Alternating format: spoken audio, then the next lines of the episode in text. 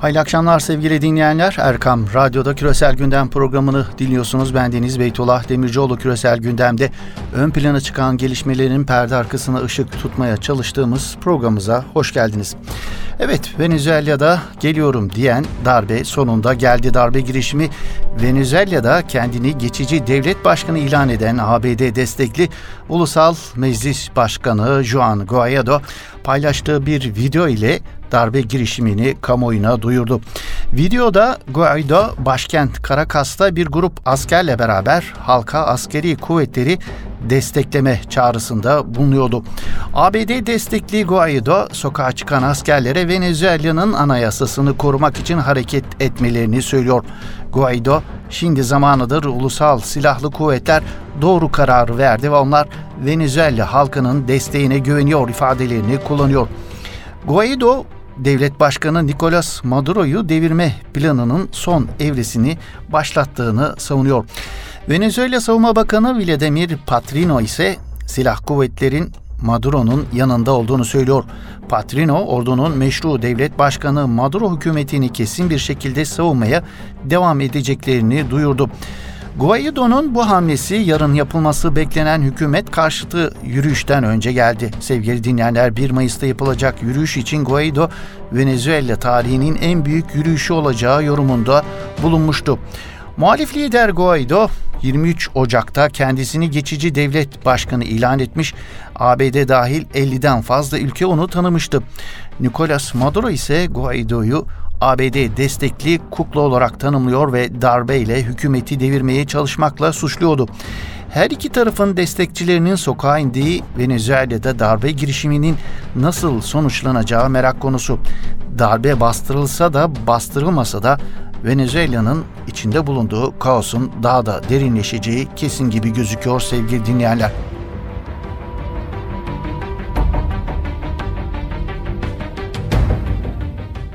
Dış politika gündeminde Türkiye-ABD ilişkilerinin nereye evrileceği sorusu gündemdeki yerini koruyor.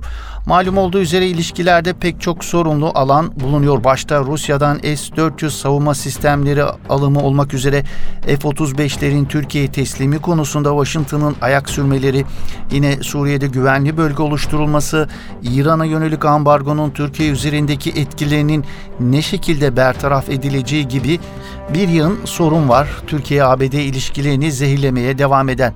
Dün Başkan Erdoğan ile ABD Başkanı arasındaki görüşmenin ardından bugün de ABD'nin Suriye özel temsilcisi James Jeffrey temaslarda bulunmak üzere Türkiye'de bulunuyor. Ziyarette Türkiye'nin Kuzey Suriye'deki meşru güvenlik kaygıları başta olmak üzere ilişkilerdeki sancılı birçok konu ele alınacak. Türk-ABD heyetleri arasındaki görüşmelerde ele alınacak konuların başında ifade ettiğimiz gibi güvenli bölge meselesi başta geliyor. Güvenli bölge konusunda taraflar arasında bir türlü mutabakatın sağlanamıyor olması öne çıkıyor. Sebebi ise güvenli bölgenin kimin için güvenli bölge haline getireceği noktasında yaşanan görüş ayrılıkları var. ABD bunu net olarak ifade etmese de sevgili dinleyenler aslında güvenli bölgeyi tonlarca silahla donattığı terör örgütü PYD için güvenli bölge haline getirmek istiyor aslında. Türkiye ise kontrolünün kendisinde olduğu bir bölge istiyor. Tabi bu arada Rusya'nın tesis edilmesini arzu ettiği bir başka güvenli bölge var. O da Suriye hükümetinin kontrolündeki bir güvenli bölge istiyor Rusya. Bu üç güvenli bölge anlayışından nasıl bir uzlaşı çıkacağı doğrusu merak konusu.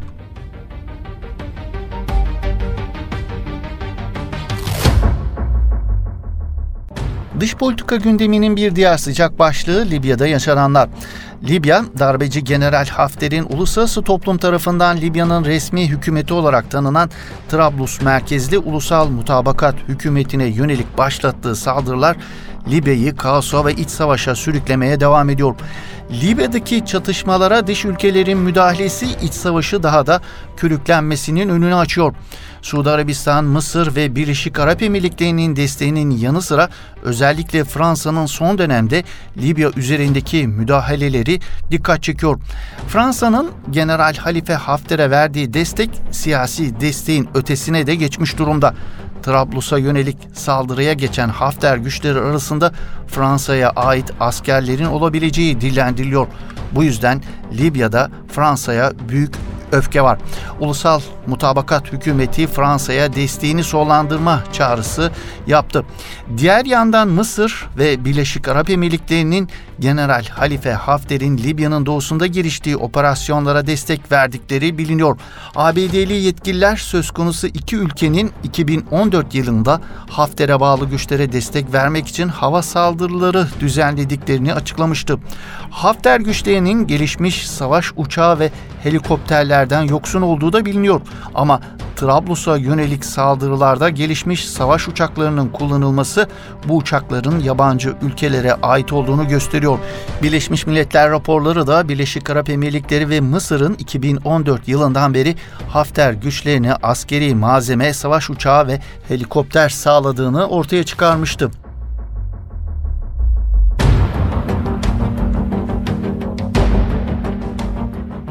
Bu arada darbeci General Halife Haftar'ın saldırıları karşısında batıdan güçlü ve net tepkiler gelmemesi dikkat çekiyor. Birkaç hafta öncesine kadar uluslararası analizlerde Hafter'in gizliden gizliye batı tarafından desteklendiği ancak bunun kimse tarafından açıkça dile getirilmediği yazılıp çiziliyordu. Ancak bugün bu desteği gizlemeye pek ihtiyaç duyulmuyor sevgili dinleyenler.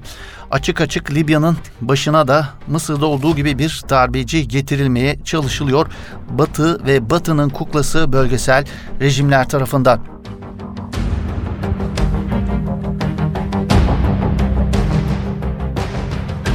Küresel gündemde dikkat çeken ve uluslararası medyada kendine genişçe yer bulan bir diğer haber dünyadaki silahlanma yarışı. Korkutan bir silahlanma yarışı var dünyada. Stockholm Barış Araştırmaları Enstitüsü'nün dünyada askeri harcamadaki eğilimler 2018 raporu bu gerçeği bir kez daha gözler önüne serdi. Küresel askeri harcamalar 2018'de 1.8 trilyon dolara ulaşırken dünyada savunmaya en fazla bütçe ayıran ülke ABD, Çin, Suudi Arabistan, Hindistan ve Fransa oldu. Türkiye'nin ise askeri harcamaları bir önceki yıla göre %24 artarak 19 milyar dolara ulaştı. Rapora göre 2018'de küresel savunma harcamaları 2017'ye göre %2.6 artarak 1 trilyon 822 milyar dolara ulaştı. 2018'de küresel savunma harcamalarının %60'ını ABD, Çin, Suudi Arabistan, Hindistan ve Fransa yaptı. Savunma bütçesini bir önceki yıla göre %4.6 artıran ABD geçen yıl 649 milyar dolar harcadı. Rusya ise 2018'de dünyada savunmaya en fazla bütçe ayıran 6. ülke oldu. En fazla harcama yapan 15 ülke bu alandaki küresel harcamanın %81'ini gerçekleştirdi.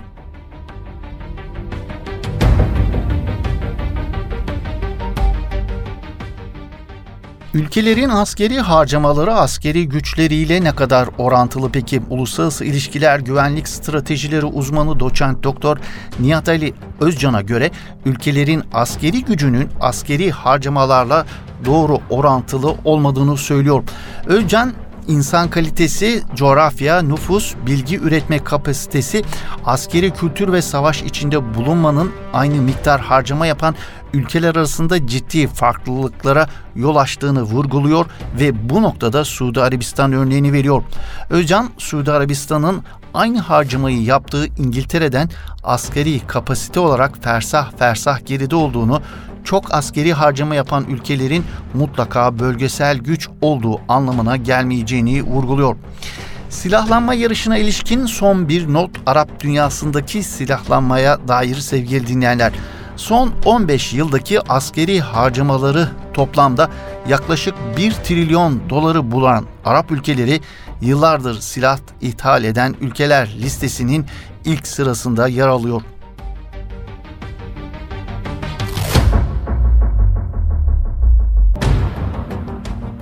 Amerika Birleşik Devletleri ile İran arasındaki ilişkiler sürekli geriliyor sevgili dinleyenler. Malum İran'ın 5 artı 1 ülkeleriyle yaptığı nükleer anlaşmayı tek taraflı olarak çöpe atıp yaptırımlar rejimine geri dönen Trump yönetiminin son hamlesi Türkiye'nin de dahil olduğu 8 ülkeye tanıdığı petrol alımı muafiyetine son vermek olmuştu.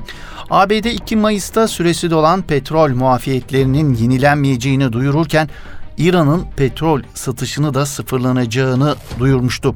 İran'da petrol satışını sürdüreceğini bunun engellenmesi halinde gerekli cevabı vereceklerini duyurmuştu. Trump'ın bu kararından İsrail ve Suudi Arabistan oldukça memnun ancak ABD medyası Trump'ın İran'a daha fazla yaptırım uygulamasından kaygılı. Trump'ın ABD'yi savaşa süreklediğini savunuyor Amerikan New York Times gazetesi. Trump İran'a daha fazla yaptırım uygulamak istiyor. Bu bizi savaşa sürükleyebilir başlıklı yazıda İran'a uygulanabilecek yaptırımların muhtemel etkileri değerlendiriliyor. Yazıda ABD Başkanı Donald Trump'ın İsrail ve müttefikleri adına bölgedeki aktiviteleri sebebiyle İran'ı cezalandırmak istediğine dikkat çekilirken ABD yönetimi Tahran'ı nükleer faaliyet konusunda eski Başkan Barack Obama yönetimiyle müzakere edenlerden çok daha katı şekilde kontrol altına almaya çalışıyor ifadesini kullanıyor. New York Times'ın makalesinde İran'a artarak devam eden yaptırımların ABD için tehlikeli bir boyuta geldiği savunularak şu ifadelere yer veriliyor. Bu provoke edici yaptırımlar İran'ı tekrardan büyük ölçüde uranyum zenginleştirmeye ve ABD'nin cevap vermesini zorunlu kılan Amerikalılara muhtemel bir saldırıya yol açabilir. ABD'yi Başkan Trump'ın engellemeye çalıştığını söylediği yeni bir Orta Doğu Savaşı'na itebilir diyor. Öte yandan Trump yönetiminin yaptırımlara karşı ilk etapta Trump'ın tekrar seçilemeyeceği umuduyla gelecek 18 ay boyunca beklemeyi tercih edebileceğini dikkat çekilen makalede Trump'ın tekrar seçilmesi durumunda İran'ın sert cevap verebileceği, bu durumda Trump'ın bu saldırıları görmezden gelmek veya cevap vererek yeni bir savaşın başlaması arasında seçim yapmak zorunda kalacağı ileri sürülüyor New York Times'ın makalesinde. Karşılıklı resleşmenin muhtemel olduğu fakat Trump yönetiminin çıkabilecek askeri bir çatışmaya ihtimal vermediği belirtilen makalede şunlar dillendiriliyor aynı zamanda. Trump hükümetinin hesaba kattığını düşünmediğimiz şey karşılıklı çatışma durumunun muhtemel olması. Çünkü Trump hükümeti Tahran'a çok dar seçenekler veriyor. ABD Dışişleri Bakanı Mike Pompeo, ABD yönetiminin müzakerelere açık olduğunu belirtirken Tahran'ın mevcut dış politikasından tamamen vazgeçmesini gerektiren bir düzine şart listesi sunuyor. Bu listede İran'ın nükleer başlıklı füze üretimine ve İsrail'e düşman tutumuna son vermesi gibi istenilen maddeler İran'ın Suudi Arabistan ve diğer bölgesel ülkelerle rekabeti sebebiyle arzu edilen ama gerçek dışı olan maddelerdir deniliyor.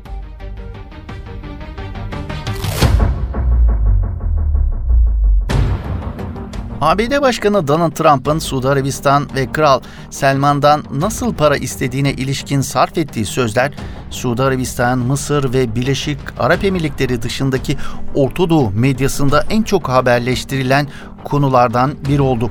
Arap dünyasının görsel, yazılı ve sosyal medyasında bir İslam ülkesinin ve liderinin bu denli aşağılanması karşısında müthiş bir öfke ve tepki vardı. Bu aşağılamayı yapan Trump'tan ziyade Suud ve genel anlamda Körfez ülkelerine yönelik. Malum ABD Başkanı Donald Trump Wisconsin'de düzenlenen bir etkinlikte Suudi Arabistan Kralı Selman'dan nasıl 500 milyon dolar aldığı hakkında açıklamalarda bulunmuştu. Suudi Arabistan çok silah alımı yapıyor, onları kaybetmek istemem diyerek kalabalığa seslenen Trump, nakitten başka bir şeyleri yok değil mi? Bizden çok fazla şey satın aldılar. 450 milyar dolarlık satın alma yaptılar. Suudi Arabistan'la bağları kesmek isteyen insanlar vardı. Ancak onları kaybetmek istemiyorum dedi Trump. Suudi Arabistan Kralı Selman'ı aradığını da belirten Trump, Suudi Kralı severim. Krala sizi korumak için yırtınıyoruz ve sizin çok paranız var dedim. Sadece bir telefonla bize 500 milyon dolar fazla para ödediler diyen Trump, Kral Selman'ın kendisini neden aradığını sorduğunu, çünkü daha önce kimsenin böyle bir arama yapmamış olduğunu söyleyerek çünkü önceki ABD liderleri aptaldı cevabını verdiğini ifade ediyor.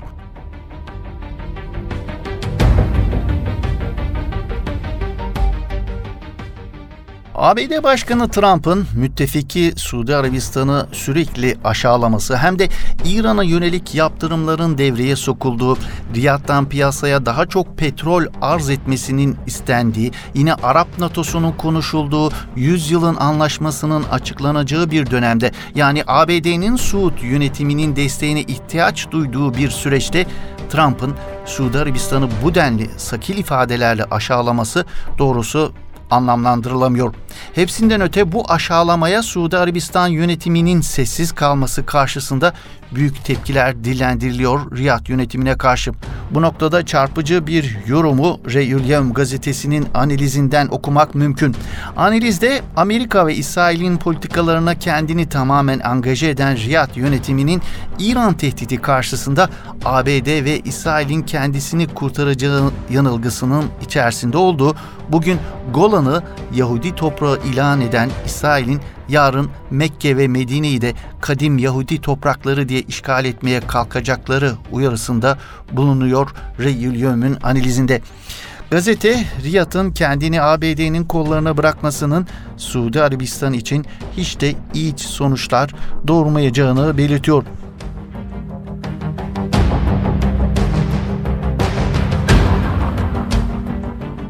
Öte yandan İsrail ile Filistin arasındaki ihtilafı çözmek için ABD Başkanı Donald Trump tarafından hazırlatılan 100 yılın anlaşması planına tepkiler sürüyor.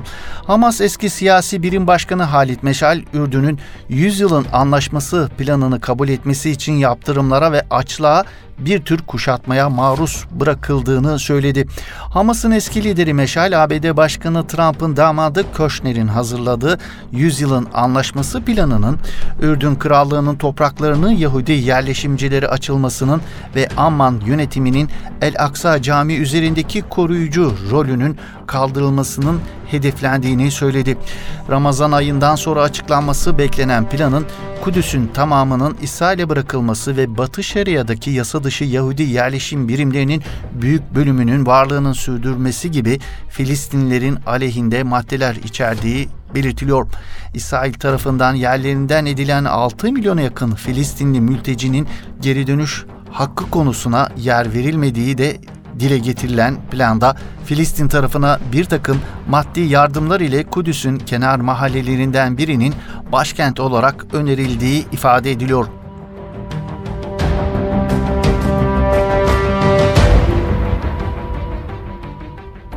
Evet sevgili dinleyenler bir küresel gündem programımızın böylelikle sonuna gelmiş bulunuyoruz. Yeni bir küresel gündemde buluşmak ümidiyle. Hoşçakalın, iyi akşamlar efendim.